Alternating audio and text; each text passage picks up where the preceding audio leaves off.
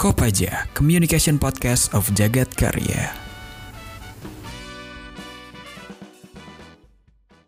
Halo semuanya, ketemu lagi di Kopaja, Communication Podcast of Jagat Karya.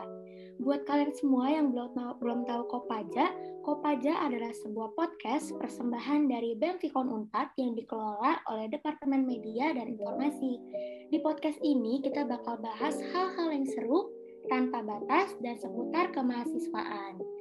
Mungkin buat warga Vkom belum kenal gue siapa.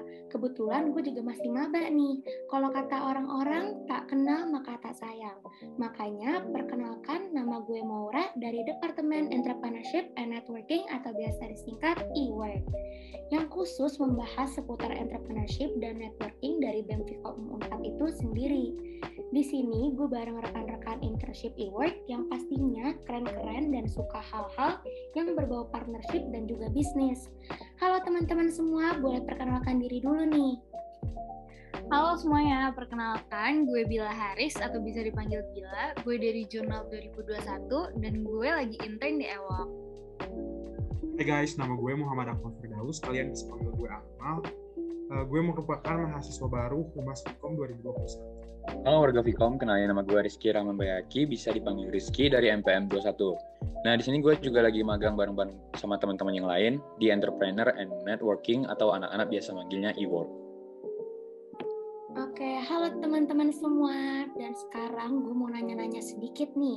Mungkin teman-teman semua punya pengalaman berbisnis yang pernah kalian jalanin dulu, atau waktu SD, atau mungkin bisnis yang masih berjalan sampai sekarang. Mungkin mulai dari Bila nih. Nah, gue nih punya nih bisnis yang gue buat karena adanya pandemi. Nah, gue buat bisnis ini uh, di kerajinan tangan nih. Gue bikin gelang, kalung, strap mask. Nah, bisnis ini juga kebetulan udah dipromoin loh di IG BEM Vkom. Kalian bisa cek langsung aja. Terus jangan lupa beli juga ya. Bil, ngomong-ngomong soal pernak-pernik, yang kita tahu pernak-pernik lagi banyak banget nih sekarang, apalagi karena lagi pandemi, cewek-cewek jadi gabut dan coba start bisnis di bidang yang berbau tentang manik-manik dan aksesoris. Nah, gimana sih cara lo buat tetap ngejalanin bisnis dan tetap stay unik dan bikin customer tetap beli tetap beli dan coba bisnis gue ini jangkauan harganya tuh murah banget dan cocok banget untuk para mahasiswa. Nah, biasanya tuh kalau bisnis lain yang jual manik-manik kayak bisnis gue tuh jualnya di atas 100 ribu, 200 ribu. Sedangkan punya gue nih cuman di bawah 80 ribu, pasti mahasiswa pada bisa beli pakai uang jajannya. Wah, nanti boleh kali ya Bill kita dikasih voucher supaya kita bisa kepoin produk lo dan kita beli juga. Kalau Akmal gimana nih Mal? Kalau gue pribadi ngomongin pengalaman berbisnis, uh, Bila sendiri kan ngelakuin usaha online di masa pandemi ini. Kalau gue sendiri dulu tuh pernah jualan di sekolah. Kelas gue kan ada di lantai tiga, sedangkan satu-satunya kantin tuh ada di lantai paling bawah. Yang mana pasti males banget kan buat sekedar jajan-jajan gitu doang. Nah, dari situ muncul ide tuh. Gue ngeliat peluang buat ngehasilin uang dengan ngejual snacks yang disukain sama anak-anak kelas mulai dari makaroni, keripik kaca, keripik setan, bahkan sampai gue jual puding sama donat, alhamdulillahnya tuh semua dagangan gue laku.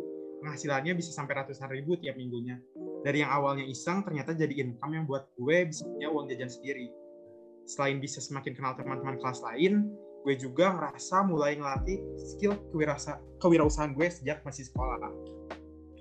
Wah, jadi kalau Akmal lo ngelihat peluang karena kantin jauh, jadi lo coba jualan produk-produk atau makanan ringan sendiri. Dan kalau Bila karena punya hobi yang bisa dihasilkan duit dan duitnya juga lo keep sendiri. Sebenarnya ide-idenya unik-unik dan pinter banget ya ngebaca peluang yang ada. Sekarang buat temen yang kita teman kita yang terakhir nih, kalau Rizky gimana nih Ki? Nah, kalau di gue itu sebenarnya bibit-bibit suka sama jualan itu udah dari SD. Nah, dulu itu yang dijual lebih ke alat-alat kayak sekolahan pensil, pena, penggaris, buku, dan masih banyak banget macamnya. Terus pas SMP itu gue mulai malas buat jualan. Ditambah di SMP itu gue kebetulan nggak dibolehin buat jualan.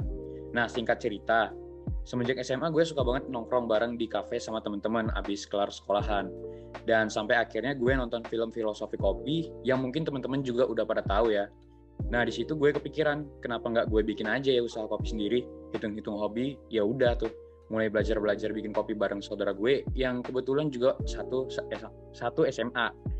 Uh, nah, kopi yang gue jual itu juga terjangkau dan free buat ongkirnya. Jadi teman-teman dari uh, kelas yang lain juga pada pesen gitu.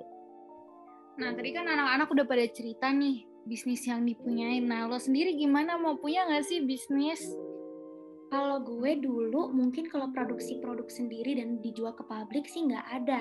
Tapi karena dulu gue koleksi dan pecinta komik KKPK, komik itu yang udah selesai gue baca bakal gue jualin ke adik-adik kelas gue.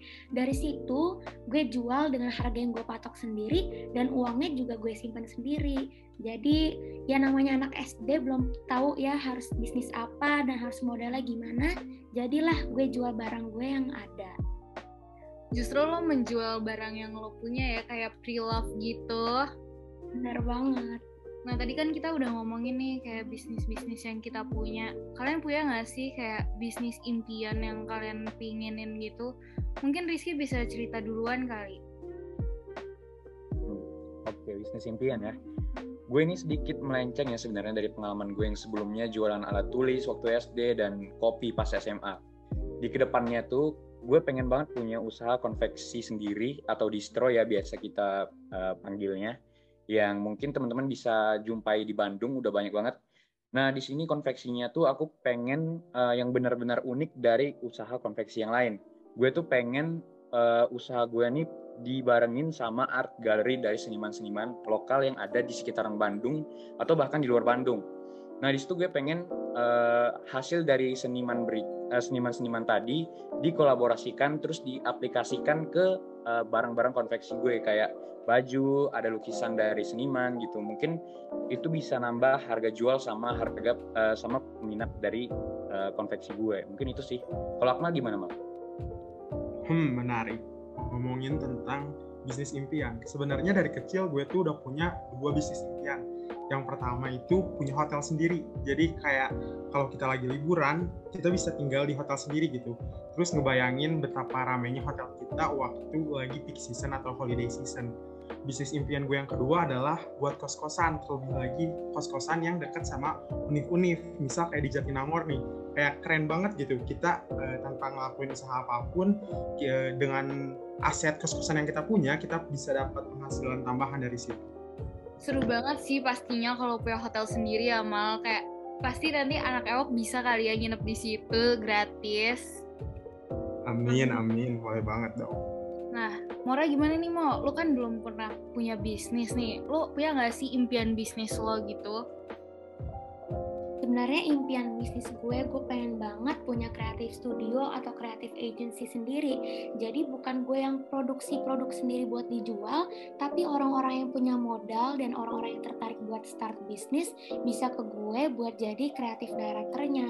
Dari mulai foto produknya produknya mau tema apa.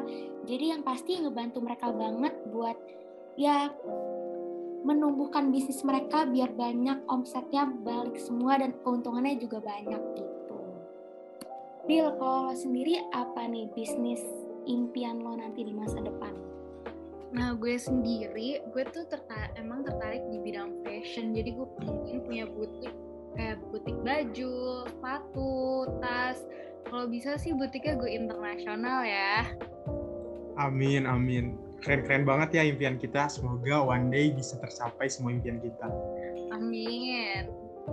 Ngomong-ngomong nih, kita kan sebagai mahasiswa Fikom, kalau dari kalian sendiri, ngelihat gak sih adanya peluang bisnis yang bisa kita lakuin? Kalau gue sih karena ngelihat kita semua um, anak banyak dari kita yang anak rantau jadi gue berpikir karena gue suka masak dan gue suka hemat, yang nantinya gue bakal insya Allah rajin masak, gue pengen bikin sekali masak itu agak banyak. Jadi mungkin 3 sampai 5 orang itu bisa catering harian di gue dan tentunya nambah uang jajan gue juga. Kalau Rizky gimana Niki? Um, Oke, okay. jujur ya kalau menurut pandangan gue sendiri sejauh ini yang statusnya masih jadi maba ya, untuk peluang bisnis di Unpad khususnya di Vkom itu gue ngeliatnya bisa buka usaha yang udah gue singgung tadi konveksi. Uh, kenapa? Karena gue ngelihatnya karena kita selaku anak Vkom ya pasti dong banyak yang punya skill buat desain desain hal tadi. Dan kalau kita bisa uh, nge-hire semua orang-orang yang bisa desain tadi, yang anak-anak Vkom, mungkin kita bisa uh, kolaborasi sama-sama gitu ya, bikin bikin satu startup ataupun satu usaha rintisan yang jalan di bidang konveksi. Jadi kita bisa salurin ide kita, salurin skill kita ke uh, usaha baju itu gitu. Mungkin itu sih yang mungkin relate sama anak Vkom. Nah, gue sendiri masih jalan kan bisnisnya dan kebetulan udah dipromo ini di BEM Vkom. Nah, karena target gue untuk mahasiswa dan harganya pun terjangkau, jadi cocok banget nih. Kayak peluang gue besar banget karena uh, para mahasiswa pasti kan nyari nih mana sih perintilan-perintilan yang murah. Itu sih kalau dari gue. Kalau lo gimana mal?